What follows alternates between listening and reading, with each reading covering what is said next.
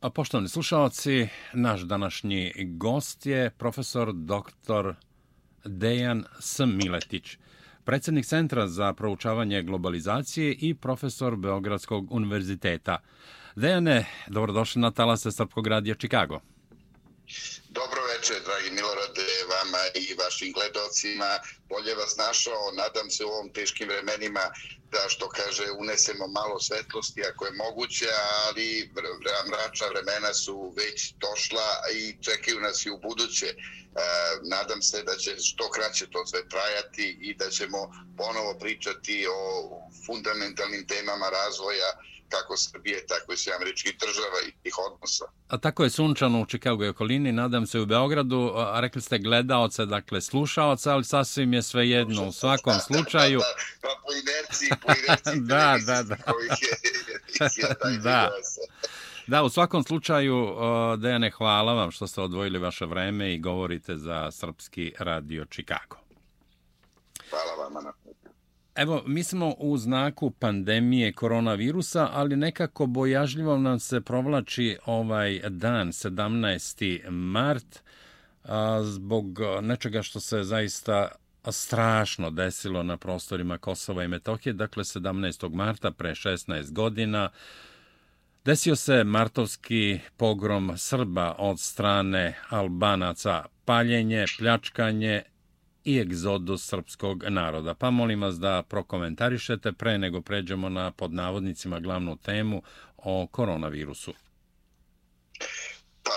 E, s jedne strane mi je drago da ste se setili i pomenuli tu temu, a s druge strane je to zaista teška rana našeg naroda i uopšte sve to što se dešavalo pogroma, na pogromu, ali i pre toga, ali i posle toga proglašenjem nezavisnosti, e, gde su e, mnoge zemlje, pre svega Evrope i Sjameričke država, priznale to samo proglašeno e, Kosovo na e, temelju e, pogroma srpskog naroda i proterivanja i svega toga groznog što se desilo na prostoru Kosova i Metohije.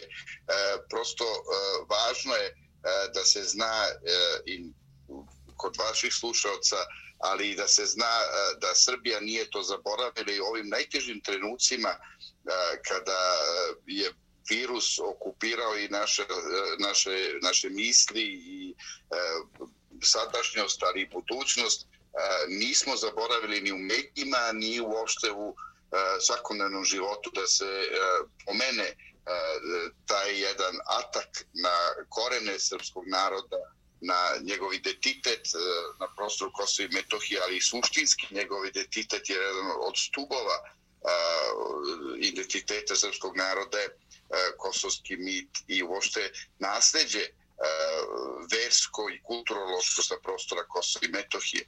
Tako da hoću da kažem da zaista taj datum je jedna teška rana u našim srcima, ali nadam se da ćemo biti spremni da na pravi način odgovorimo mudro i da nećemo odustati od vraćanja e, te teritorije ponovo u okrilje srpskog naroda koja je sada oteta e, pre svega međunarodnom zajednicom, a onda uzurpirana i oligarhijom jednom političkom e, na prostoru Kosova i Metohije od strane Albanaca. Evo, ja bih da, da pređemo na, rekao bih, i glavnu temu. Pandemija koronavirusa proglašena je 30. januara od strane Svetske zdravstvene organizacije. Wuhan, Kina, grad Wuhan, centar pandemije. Obolelo je do sada 190.000 ljudi u svetu, preminulo 7.072. Ja bih samo da kao uvod u, u vanredno stanje koje je proglasio predsjednik Srbije Aleksandar Vučić, vaše a, impresije i objašnjenja, a, napomenuo samo a, nekoliko stravičnih pandemija ili epidemija, kako god kroz istoriju, 165. godine Antonijeva kuga, Trajala je 15 godina u Rimskom carstvu, odnela je 5 miliona žrtava. 541. godine Justinijanova kuga pojavila se u Egiptu, zahvatila Palestinu, Mediteran, Vizantijsko carstvo preminulo 30 do 50 miliona ljudi, a neki izvori iz Australije govore o 100 miliona ljudi. 1374. crna smrt, bubonska kuga odnela u Evropi minimalno 50 miliona žrtava. 1855. godine treća pandemija kuge koja se pojavila u Kini proširila se na Indiju i Hong Kong. 15 miliona ljudi, odnosno žrtava je bilo 1918. godine španska groznica širom sveta je odnela između 50 i 100 miliona ljudi. 1957. godine azijski grip, 1968. hongkonški grip, 1981. SIDA do sada je obolelo, odnosno preminulo 35 miliona ljudi u svetu. Od 2002. do 2003. godine pojavio se SARS, 2003. do 2007. ptičiji grip, 2009. svinski grip, 2012. godine MERS, nešto slično ovom koronavirusu, i 2013. godine do 2016. godine trajala je pandemija ebole. Dakle, predsjednik Srbije Aleksandar Vučić proglasio je madredno stanje u Srbiji, obolelo je do dana 72 ljudi. Izvolite, molim za komentar. Pa ove cifre koje ste pomenuli su stravične i ja se nadam da, da te milionske žrtve zaista se neće desiti. E, mi smo svi zaokupljeni na kraju krajeva i moja greška s početka emisije je proizvod opterećenja jednog i tenzije koja je svuda prisutna, čini mi se, na, na planeti, a posebno rekao bih u Evropi i s američkim državama. E, čini mi se da, da prosto e, sve ovo što se dešava e, je na neki način izazov koji prosto će dati odgovore na na mnoge stvari u budućnosti i mi ovdje sada što kaže pokušavamo da nađemo sebe na neki način i da vidimo ko tu je pravi prijatelj, ko, na koga možete računati, e, kako možete kao država da odgovorite, koji su nivoji sposobnosti, organizacije, kako ljudi, kako ljudi reaguju na ove izazove i tako dalje. Čini mi se da je ovo jedan e, i izazov za međunarodnu zajednicu, ali i izazovi za pojedinačne države i e, sve to e, naravno jedan kompleksan odnos posebno što imamo, borimo se protiv uh, virusa koji se teško prepoznaje, koji nastupa u vreme uh, opšte epidemije gripa, kada ne znate, svi su pod nekim kaš, što kaže kijavicama, kašljem, kašlju, uh, svi imaju neke sitne probleme, nikad ne znate da li je to vezano za, za taj virus ili je to standardna, standardni problem, ova zima je vrlo blaga bila, u Srbiji, to ja ne pamti se da je bila blaža skorije i, i u tom kontestu nije bilo gotovo ni mrazeva. E, onda možete zamisliti kako ti virusi generalno funkcionišu na ovom prostoru sada. I sad, kada sve to se sad ovo dešava, e, tu se sad vrlo kompleksno se odražava na društvo. S jedne strane nemate, evo ja još uvijek ne znam, nijednog poznanika da je oboleo od e, koronavirusa. S druge strane, vidite da je sada 16 obolelih e, u posljednjih 12 sati. To je već e, veće da, da se malte ne duplira, pre toga je bilo šest ili tako nešto. Hoću da kažem, vidi se da polako se to zahuktava, ne prestaje i očekuju se odbiljni udari tokom vremena. Sve to prosto, e, kako da vam kažem, mnogo je znakova pitanja, odnosno mnogo dilema e, kako će e, reagovati, ja u ovom slučaju razmišljam o Srbiji, budući da život u jednom periodu staje, staje ekonomija, staje sve, prosto sve ono što smo navikli kao normalno, staje u određenim trenucima i gleda se kako da se što manje tih socijalnih odnosa, odnosno e, što manje međuljudskih kontakata ostvaruje, budući da se virus e, lako, koliko shvatamo, prenosi, odnosno dugo traje u životu e, mimo, mimo nosioca. I da kažem, imamo jednu vrlo kompleksnu situaciju u kojoj Srbija za sada trudi se da, da bude što organizovanija, sa resursima koji su nezavidni, sa, u situaciji kada e, nemate ni dovoljno maski, kada nemate ni e, dovoljno rukavica, kada prosto e, objektivno nemate proizvođača koji je bio u stanju da proizvode neke velike količine, budući da to nikome objektivno nije ni trebalo, vrlo su limitirani potrošači bili tih stvari. Evo da vi niste imali ko, to, ko bi pravio sve to i na taj način praktično e, u, u trenutku kad su udari pre svega e, po zapadnoj Evropi, vi sada ste ostali e, uskraćeni za određene elemente zaštite, odnosno sredstva zaštite i tako da proba se jednom ozbiljnom organizacijom da se deluje na praktično usporavanje tog rasta i širenja, odnosno širenja virusa. To je, čini mi se, ključna strategija, a znate, e, vrlo je jasno, čini mi se već sada, da udar e, ovog virusa je vrlo selektivan i da se odnosi na stariju populaciju preko 60, odnosno 65 godina i da su to ugroženi e, životno ljudi.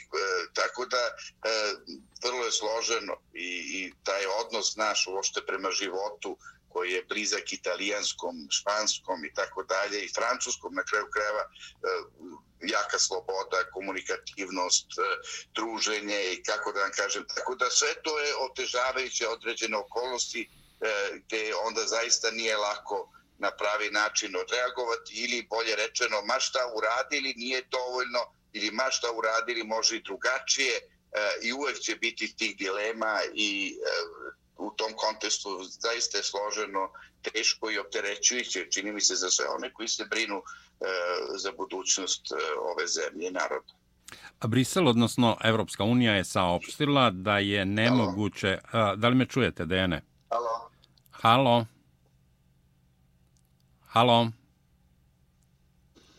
Halo, de... Evo nešto malo prekida, ali čujem se. A, da, a, rekao sam a, da je Evropska da, unija zabranila izvoz medicinske opreme u zemlje koje nisu članice Evropske unije. Sa druge strane, predsjednik Aleksandar Vučić proglašavajući vanredno stanje, apelovao je i zamolio je kineske vlasti, odnosno predsjednika Xi Jinpinga, da pomogne Srbiji. Kina se odazvala i već su prve količine medicinske opreme stigle u Srbiju, odnosno u Beograd, a na ovaj način Evropska unija je u stvari pokazala svoje pravo licemerno, rekao bih, lice.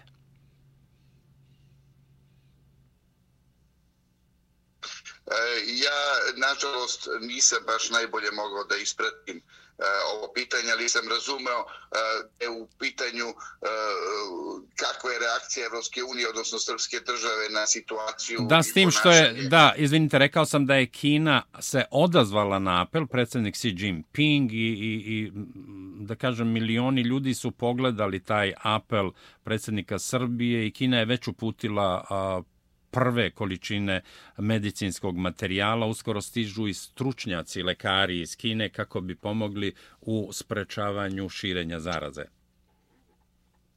Da, odlično ste to primetili. E, postoji jedno blago razočarenje, ajde da neke, ne upotrebim neku oštriju reč, e, odnosom Evropske unije prema Zapadnom Balkanu, ali u ovom slučaju pre svega Srbiji. E, ali to razočarenje ne bi trebalo da bude toliko budući da Evropska unija unutar e, nje same je pokazala e, jednu nespremnost i nesolidarnost, e, a ja ću podsjetiti samo da je Lisabonski sporazum drugi član Lisabonskog sporazuma, ugovora, kako hoćete, u članice Evropske unije se odnosi na solidarnost, na sistem vrednosti i tako dalje. U slučaju Italije ceo koncept se pokazao kao propao, neuspešan, svako je gledao svoje interese, prepustili su Italije da se bori uh, sa situacijom. Vidimo posljedice preko 2500 mrtvih. Znate, to su strašne cifre i ne vidi se kraj, još uvek to sve raste. Uh, tako da uh, zaista postoji jedna doza razočarenja uh, u Srbiji. Pre svega vidimo to u vrhu države, ali uh, i mi sami uh, primećujemo da prosto Evropska unija e, se bavi sama sobom, ona stalno opravdava svoje, e, svoje zakašnjenja i svoje nereagovanje time da ima kompleksan način odlučivanja, pa za Boga, pa šta da radimo onda? Pa ajde, ako imate kompleksan način, neka svi pocrkaju i tako dalje, ja malo sad revoltirano to sve pričam, ali hoću da kažem da više e, to zasićenje postoji jedno e, sa tim opravdanjima i objašnjenjima kako funkcioniše Evropska unija i šta ona predstavlja. E, u ovakvim kriznim situacijama ili postajete bliži ili se udaljujete. U slučaju Evropske unije i njenog ponašanja e, prema Srbiji, Zapadnom Balkanu, ali i prema državama koje su članice e, Evropske unije, pokazuje se jedno e, razilaženje, pokazuje se da svako brine o svojoj kući i to je ono što čini mi se i gospodin Trump je često puta ukazivo da na kraju ispadne da u stvari nacionalne države e, su oni nosioci e, tog suvereniteta i da taj koncept Evropske unije je odradio svoje i da nije nema tu težinu kao što je nekada imao. S druge strane, pokazalo se da Kina reaguje vrlo brzo na potrebe Srbije, da e, je naravno predsjednik Vučić je održao jedan govor zahvalnosti budući da je već dogovori određene stvari sa kineskom državom, e, odnosno određenu pomoć, a to se sastoji u više miliona maski, u lekarima koji dolaze, u respiratorima koje će isto oni dopremiti i tako da e, tako dalje. Hoću da kažem e, čitav set te, te pomoći koje kako da kažem cifre su ogromne i vrlo značajne i čini mi se ključne za ublažavanje uh, ove epidemije ili pandemije kako hoćete. Tako da uh, to je to je ono što izaziva dodatne emocije pozitivne prema Kini a imamo negativne emocije prema Evropskoj uniji koje težimo i koje smo proklamovali kao jedan pravac e, i trudimo se da određene standarde ispunimo, a onda vidimo s druge strane da je to tigar od papira, odnosno da tu e, E, što što fali i da to prosto destimulišuće deluje. Čini mi se da zaista sve se nepovratno menja i e, nažalost e, mislim da sve ono što smo znali E, sa kraja 20. veka i početka 21. i ti ideali koji su neki postojali, pa i kad su promene bile u Srbiji, mi smo maštali da je to zaista zbog neke sistema vrednosti, da smo mi zalutali. Sad sve to pokazuje da je laž jedna velika maska i da sve to pada polako, ruši se i da su to e, sve to što se dešavalo u Srbiji u stvari je bio povod za neke druge procese i da smo mi bili u stvari e, samo e, sredstvo za dostizanje određene moći, određenih interesa. I tako da to još veću gorčinu malo izaziva, ali šta da radimo, život ide dalje, mi ćemo se sabrati, evo na kraju krajeva do kraja nedelje E, sva ta pomoć kineska stiže, e, tako da očekujemo da će se normalizovati ta, ta potreba za tim maskama, za ne znam, e, eventualnim e, potrebama za lekarima koji su već u praksu imali u Kini, širom Kine, s jedne strane, a s druge strane i sa tim respiratorima koji se ispostavljaju da su ključni, jer u jednom trenutku kada dostigne, dostigne se pik epidemije, kada imate ljude koji ne mogu da dišu, kojima treba, e, trebaju veštačka ta pluća, ti respiratori, vi nemate dovoljan broj tih respiratora i samo oni koji su već prikačeni imaju šanse da prežive, ovi drugi su osuđeni na smrt, a ne možete da ih imate beskonačno, to je limitirani broj. Tako da, da su to sve elementi E, koji su vrlo bitni i čini mi se da u ovom trenutku Europska unija pokušava da se sabere, ali da je već šteta nepopravljiva i za njen imidž i za njen odnos prema e, budućnosti, čini mi se da tu iluzije su pale. Da, još samo da ako dozvolite da dodam da je i Sergej Lavrov koji je trebao da posjeti Srbiju, čini mi se 26. 27. marta, obećao da će i Rusija pomoći Srbiji u prevazilaženju pandemije koronavirusa. Pa, mislim, Rusija ima, ima tih izjava dobrih, ja se nadam da će realizovati. E, to je i oni imaju svoje probleme i oni očigledno su dosta okrenuti sebi. Rusija, rekao bih, u zadnje vreme na međunar, u međunarodnoj politici pokazuje određene, određenu snagu i oštrinu, ali ekonomski ova kriza oko pada cena nafte i svega toga dramatično utiče na Rusiju. Naravno, e, njena pomoć je potrebna u meri možda ne znam, ne, ne mogu sada ni da zamislim kada dođe pomoć iz Kine šta bi to Rusija mogla, ali svaka pomoć je dobro doći, budući da je neizvesno koliko će se ovo trajati, koliko, koliko taj proces, e, ta zaraza može dugo da, da traje. E, smatra se da je dobro e, imati strategiju razlačenja zaraze, jer onda praktično ćete moći da pružite pomoć svim zaraženima. Ako dođe da u jednom trenutku e, eksponencijalni raz zaraženi bude, onda ne možete da im pomognete, odnosno jednom delu ćete pomoći, drugom nećete. Tako da, e, verovatno u tom kontekstu dobrodoći će i pomoć Rusije, ali sve je to e, poskok. To je sve posle onoga što se već dogodilo i Evropska unija sada reaguje kao trebalo bi neki glasovi, ne znam, socijaldemokrate su se setile, svi kao trebalo bi... Znate, to je, što kaže, e, posle svi su pametni posle bitke. Važno je bilo i važno je u prvom trenutku, u najtežim trenucima ko se dohvatio što kaže da pomogne i u tom kontekstu zaista e, mislim taj odnos Kine neće biti zaboravljen ako sve to se realizuje što se najavljuje do kraja nedelje, a čini mi se da je to već gotova stvar.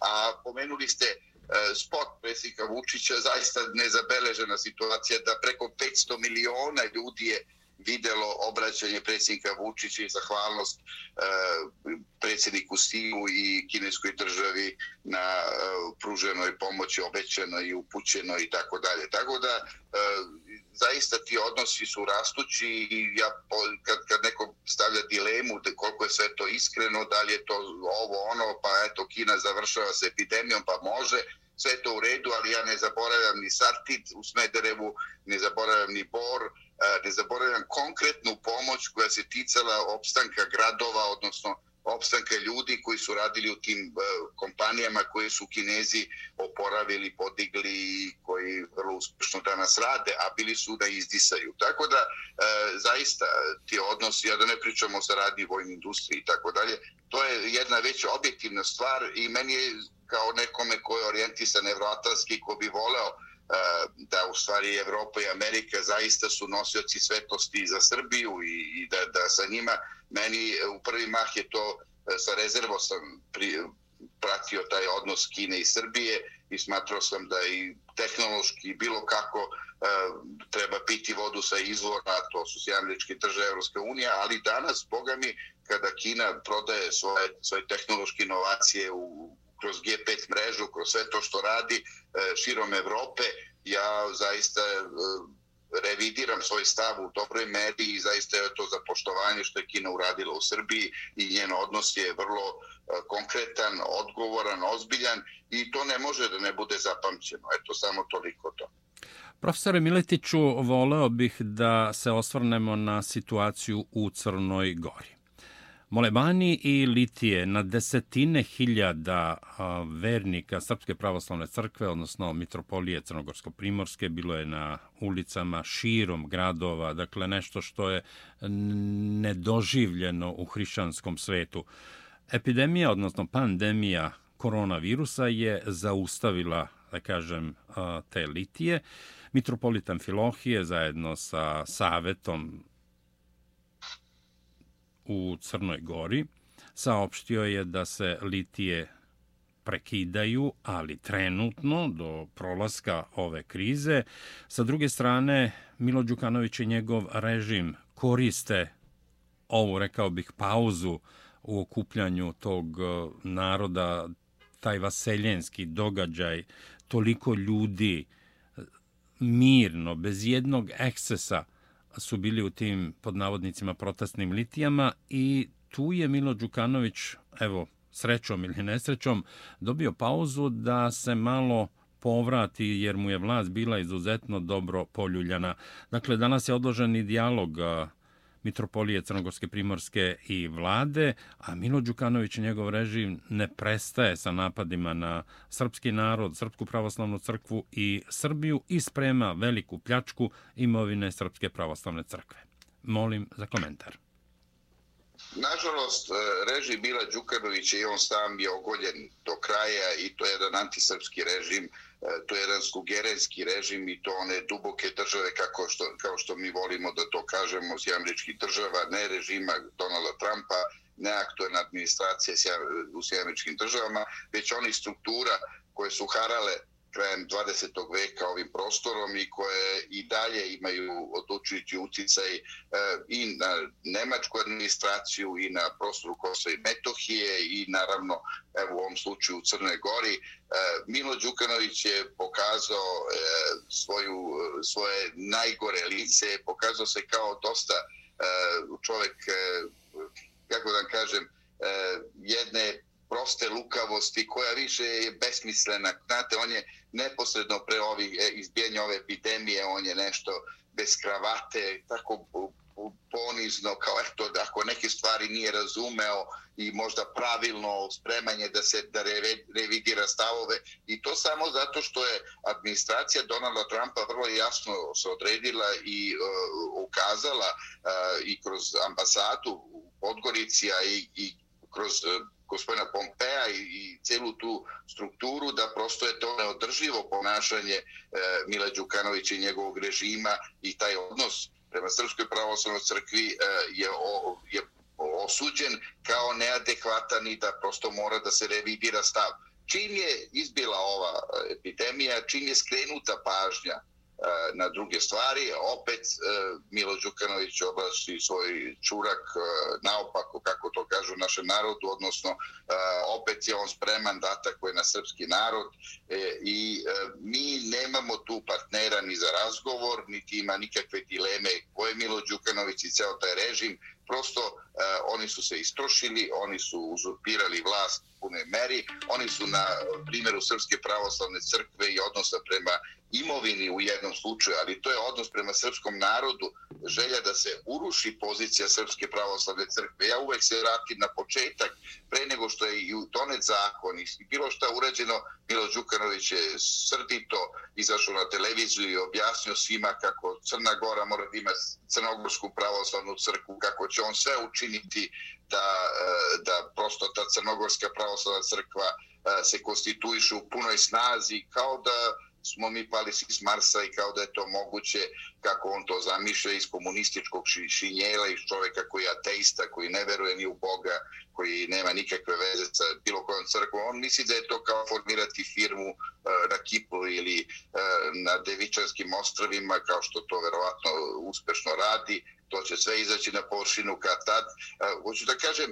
ta pljačka koja je kontinuirana u Crne Gori, u jednom trenutku je on smatrao da treba opljačkati Srpsku pravoslavnu crkvu i na taj način ojačati e, svoju poziciju tako što će omogućiti dalju korupciju i privilegije toj svoje kasti i e, čini mi se da je to već sad sve e, ispričana priča i da je samo pitanje trenutka da će izbori u oktobru to odlučiti ili će narod u jednom trenutku pući i reagovati. E, masovno kao što su ove mirne litije nije isključeno da ako Milo Đukanović se ne primiri i ne sabere malo i ne sagleda realno situaciju da dođe do određene eksplozije nezadovoljstva.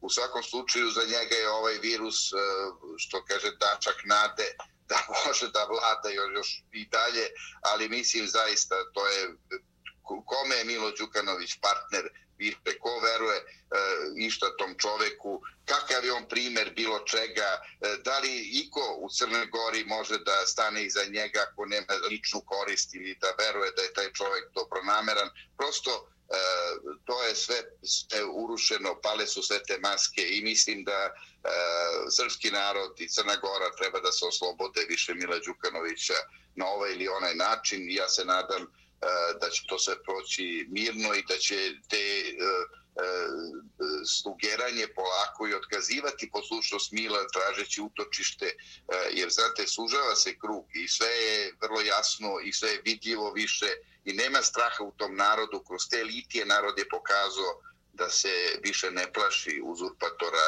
i manipulatora. Mila Đukanović. A profesore Miletiću, voleo bih da prokomentarišete pandemiju koronavirusa i takozvani ekonomski svetski tsunami. Akcije na berzama u svetu su u padu, padaju non stop.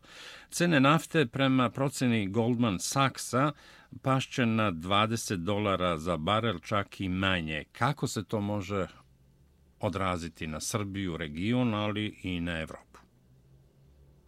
To je jedan dramatični udar na ekonomiju svetsku.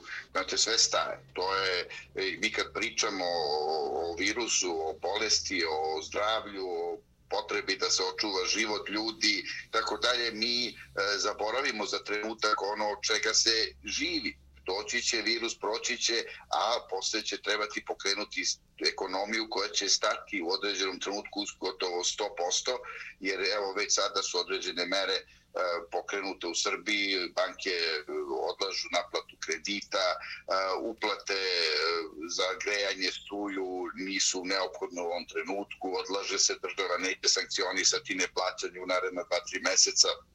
Možu da kažem, već određene mere ukazuju da ekonomska aktivnost se usporava, polako će u jednom trenutku verovatno gotovo sve stati, proizvodit će se ono što mora da se proizvodi, ono što ne sme da stane, ali vi imate e, polako zamire život, uslovno rečeno. I to, to treba posle ponovo vratiti u normalu, vratiti u jednu, jednu što kaže, e, povratiti ekonomsku dinamiku društva. E, mi smo u situaciji e, kod nas da zaista smo imali jedan ozbiljan zalet i prvi, e, prvih par meseci je bio, bio rast koji je prevazilazio 6% brutodušnog proizvoda, što je bio najveći u Evropi, prvi ili drugi, zavisi od meseca. E, za ovo nas zaustavlja i vrlo je važno e, reći da e, to e, ne može niko da predvidi u kojoj meri će se ta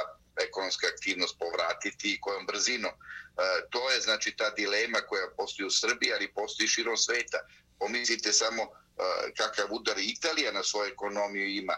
Pa onda pričali smo o Kini koja izlazi posle dva meseca praktično zastoja ozbiljno gde u tim oblastima zaraženim do 30% ekonomska aktivnost opala bila. Znači, taj rast, odnosno bruto dušni proizvod je opao 30%. E, naravno, Kina je velika, pa nisu svi bili u izolaciji, to se preliva, pa smatra se da će jedno 2% uticati po 1%, 2% na, na rast Kine, e, što će Kina izneti relativno dobro. Ali, ali kako će to biti u Italiji, kako će biti u Nemačkoj, koja e, razlači tu krivu epidemije i gleda da što duže ta ta zaraza traje, ali da prosto, hoću da kažem, e, te, ti udari na, na berzi su prirodni, jer mnoge firme ne mogu da a, opstanu, ne mogu da a, nastave sa proizvodnjom, ne mogu da isplaćuju plate, ne mogu, a, znači, prosto a, neizvesna njihova budućnost. Ako vi tri meseca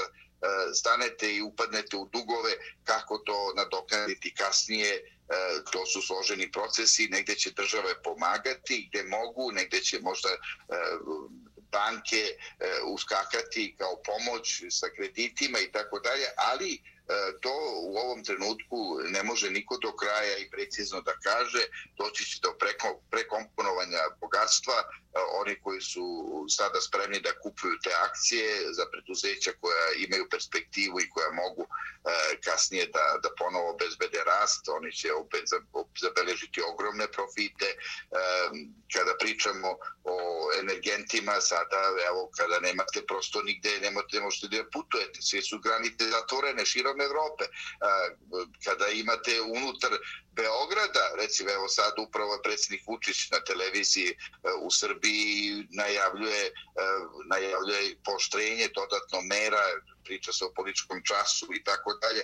Znači, vi nećete imati ni potrošnju benzina, ni gore. Znači, praktično čitav jedan lanac Eh, ekonomskih promena se dešava koji prosto uvezuje eh, i privredu i potražnju samim tim eh, za naftnim derivatima širom sveta i ta cena je prirodno da će padati, a svi gledaju da prodaju što više da bi obezbedili neku akumulaciju, tako da e, nema tu nekog e, sistema dogovora, neke solidarnosti e, među tim proizvođačima nafte, kad vidimo na nivou evropskih država kakva je solidarnost i kako se svi zatvaraju u svoje atare i tako dalje, šta onda pričati o, o svetskom kapitalu. E, tako da e, sve te aspekte je teško predviditi do kraja, ali da će doći do prekomponovanja određenog bogatstva, tu nema nikakve dileme, a sve to može da proizvede i do eskalacije određenih konflikta, odnosno do kreiranja nekog novog rata koji bi trebao da vrati cenu nafte i e, na kraju krajeva e, Rus, ruske ekonomije je dosta orijentisana na energente, a e, kada to, to znamo, onda ne, ne smemo da previdimo i mogućnost da eh, oni će razmišljati kako da se cena nafte vrati na poželjni nivo, a da ne pričamo iz američke države i na Bliskom istoku kakva je situacija. Tako da e, dosta neizvesnosti za svet i mi znamo da živimo u jednom dinamičnom vremenu, ali ovoliko, boga mi, e, nisam, nisam ni sam očekivo koji pratim vrlo pomno i detaljno međunarodne odnose. Ovo je vreme zaista e, ozbiljnih tektonskih promjena u međunarodnim odnosima. A profesor Miletiću, evo i za kraj. A, u medijima širom sveta, i ozbiljnim, rekao bih, i tabloidnim. Stalno se provlače neke informacije koje se mogu zvati i teorijama zavere ili zaverama, ali se ponekad i obistine. Dakle, mnogo toga što smatramo nemogućim postane sasvim moguće. Naime, Kina je optužila Sjedinjene američke države da je američka vojska mogla da donese novi koronavirus u Wuhan, koji je bio epicentar epidemije. To je saopštio port parol Ministarstva inostranih poslova Kine za Li Yan, što nije neozbiljno. A, sa druge strane, hiljade američkih vojnika a, su u Evropi, koliko je informacija tačna ne znam, ali kažu da između 20 i 40 hiljada američkih vojnika ovih dana je iskrcano u Evropi, odnosno u zemljama Evropske unije. Navodno se radi o vežbi Evropljanin 20 koja treba da se održi u junu. Inače, Ne znam koliko je ovo tačno, ali mnogi analitičari u svetu podsjećaju na jedan zanimljiv datum, 18. oktobar 2019. godine. U Wuhanu, koji je epicentar epidemije koronavirusa ili COVID-19, održane su svetske vojne igre. Ali istog dana u Baltimoru Sjedinjene američke države su počele simulaciju pojave koronavirusa koji je tada imao isto ime kao danas. Da ne govorimo o detaljima, ne znam koliko je to sad umno, ali u svakom slučaju nešto se čudno dešava. Mnogi optužuju da je koronavirus, odnosno pandemija, sračunato izazvana, a šta se iza toga krije, evo, pokušajte da nam kažete i vi.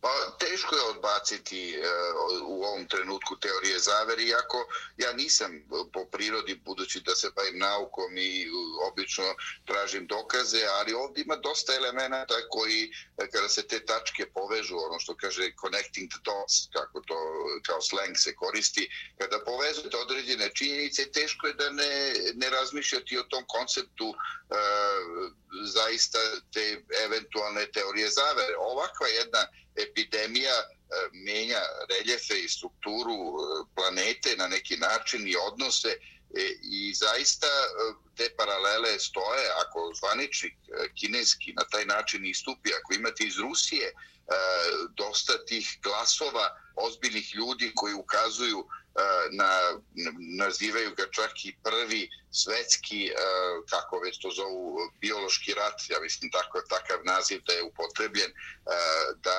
ja ne bih rekao da je to prvi, to su, mogli bismo da analiziramo možda od dejca pa nadalje, sve te viruse koji su u stvari na neki način kao pripremni test virusi, čini mi se za jednu ovakvu epidemiju koja, e, o čemu se isto radi. Vrlo indikativno da je to selektivni, selektivni virus koji zaista decu ne, ne dotiče gotovo, koji e, ljude srednjih godina e, takođe e, ne oštećuje teže i tako dalje, nema, nema posledica, dok zaista onaj stariji sloj ljudi, a e, to, to kad pogledate Evropa ima mnogo starijih ljudi i penzionera i, e, i u Kini je slična situacija. Tako da, hoću da kažem, e, i kad vi krenete cifre, zaista ti ljudi umiru, i onda su te cifre ogromne, a opet s druge strane e, onda možemo da razmišljamo kako to se to odražava na osiguravajuće kompanije i te milijarde koje oni vrte,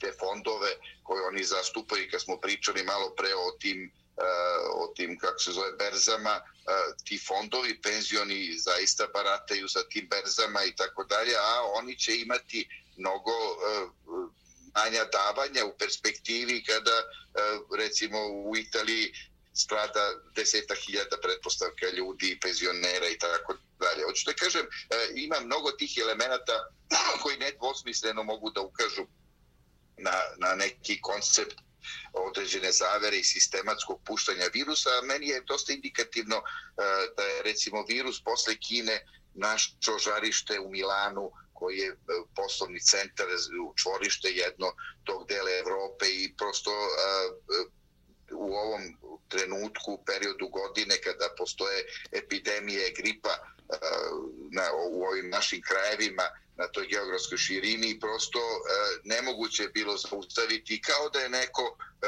i u Milanu posle Kine raširio taj virus i da, i da prosto ne bi ja tu mogao da, da vežem to širenje e, u Milanu kao italijani su nemarni, pa ne znam ovakvi su, onakvi su, prosto to ne stoji, čini mi se, e, to su e, olake ocene, deluje malo to sve čudno, a onda kad sve te elemente koje mi odlično znamo, šta se dešta selektivnost virusa, analize koje su rađene u Kini, u Rusiji, Evropska unija e, vidimo u kom je stanju, kako se to traža na njeno funkcionisanje, e, kako države reaguju i tako dalje. A onda imate činjenicu koju ste vi naveli E, kao zapažanje, e, sve se otkazuje širom Evrope. Čak e, olimpijade po znakom pitanja, ali vežba vojna i dolazak vojnih snaga s američkih država nije uzna po znakom pitanja. Kao da se niko ne brine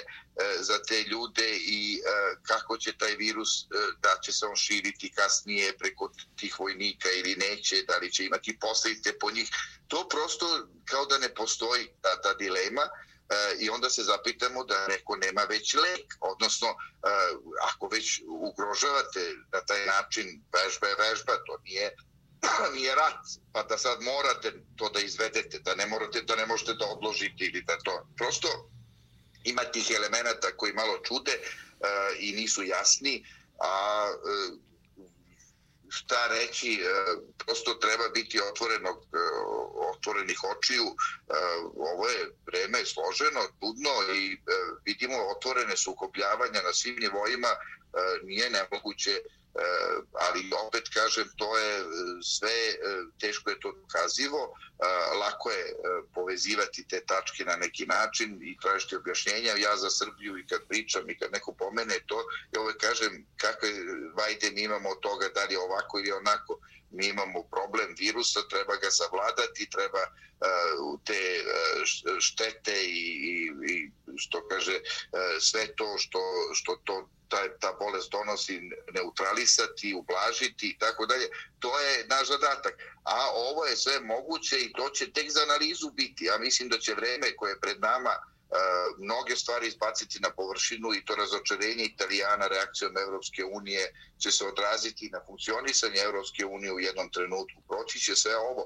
Pa, znate, mnoge stvari, vi ste sami te sve epidemije, pa opet su se i Evropa se podigla i, i na kraju krajeva i predvodile e, svijet vekovima i tako dalje. Hoću da kažem, e, neće se ovo zaboraviti lako i ostavit će duboke tragove. Eh, eh, ja verujem da ako je to sintetički virus, ako je to eh, planirana epidemija u nekim krugovima, da oni odlično znaju šta to sve nosi, da je to dubinski analizirano i tokom vremena, tako da vidjet ćemo, mi možemo malo da tu se igramo, da probamo da tražimo neke odgovore, ali nije nemoguće i nije daleko zdrave pameti razmišljati o toj teoriji da je E, neko sistematično ubrizgao virus i na neki način e, zaokupio naša, naša srca, naše mozgove, a s druge strane neke stvari se možda dešavaju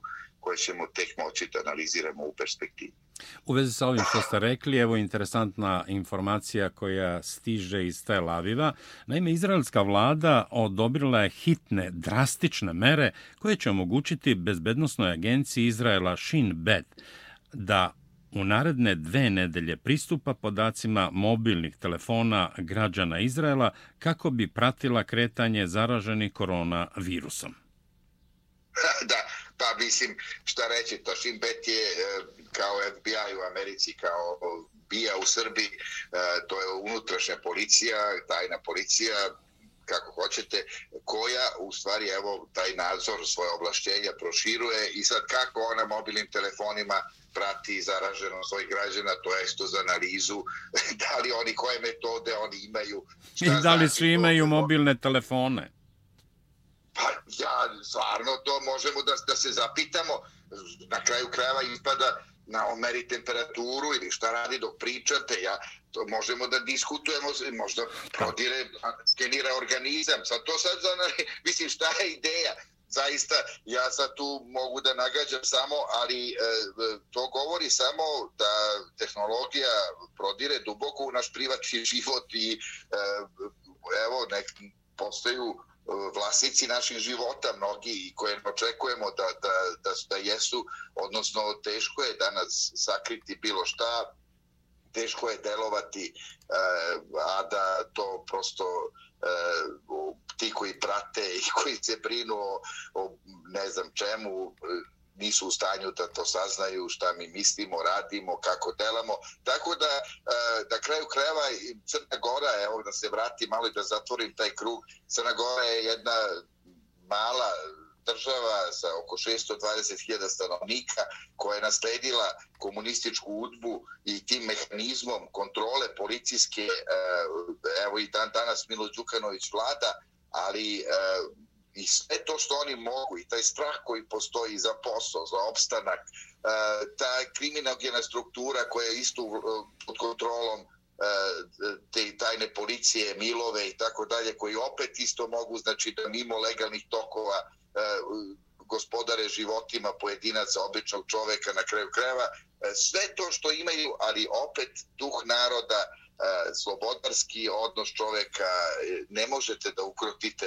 Znači svašta nešto možete da primenite, ali na kraju krajeva se ispostavlja da u jednom trenutku priđete neku crvenu liniju i da sva ta moć i sva ta sila u jednom trenutku ne može da ima tu snagu koja se očekuje od nje i pobeđuje sloga naroda, jedinstvo, eh, iskrenost, eh, ljubav, eh, prosto želja da se onemogući da sve ono negativno u ljudima prevlada i mislim da u tom kontekstu i sve to što se radi e, je jedan segment, e, jedna strana medalje e, tehnološkog razvoja i dinamike našeg života, ali da to nije odgovor na suštinu ljudskog bića i na potrebe običnog čoveka, tako da treba uvek se vratiti i zamisliti se e, šta je smisao ako ne e, boljitak e, pojedinca, odnosno ne, ne čovek kao takav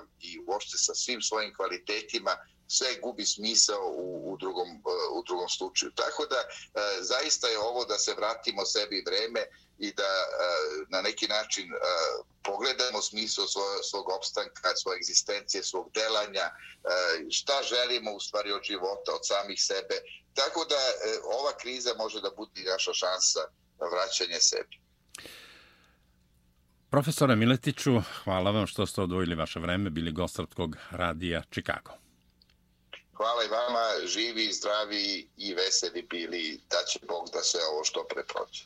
Hvala vam. Poštovani slušalci, gosta Srpkog radija Čikago bio je profesor dr. Dejan S. Miletić, predsjednik Centra za proučavanje globalizacije i profesor Beogradskog univerziteta.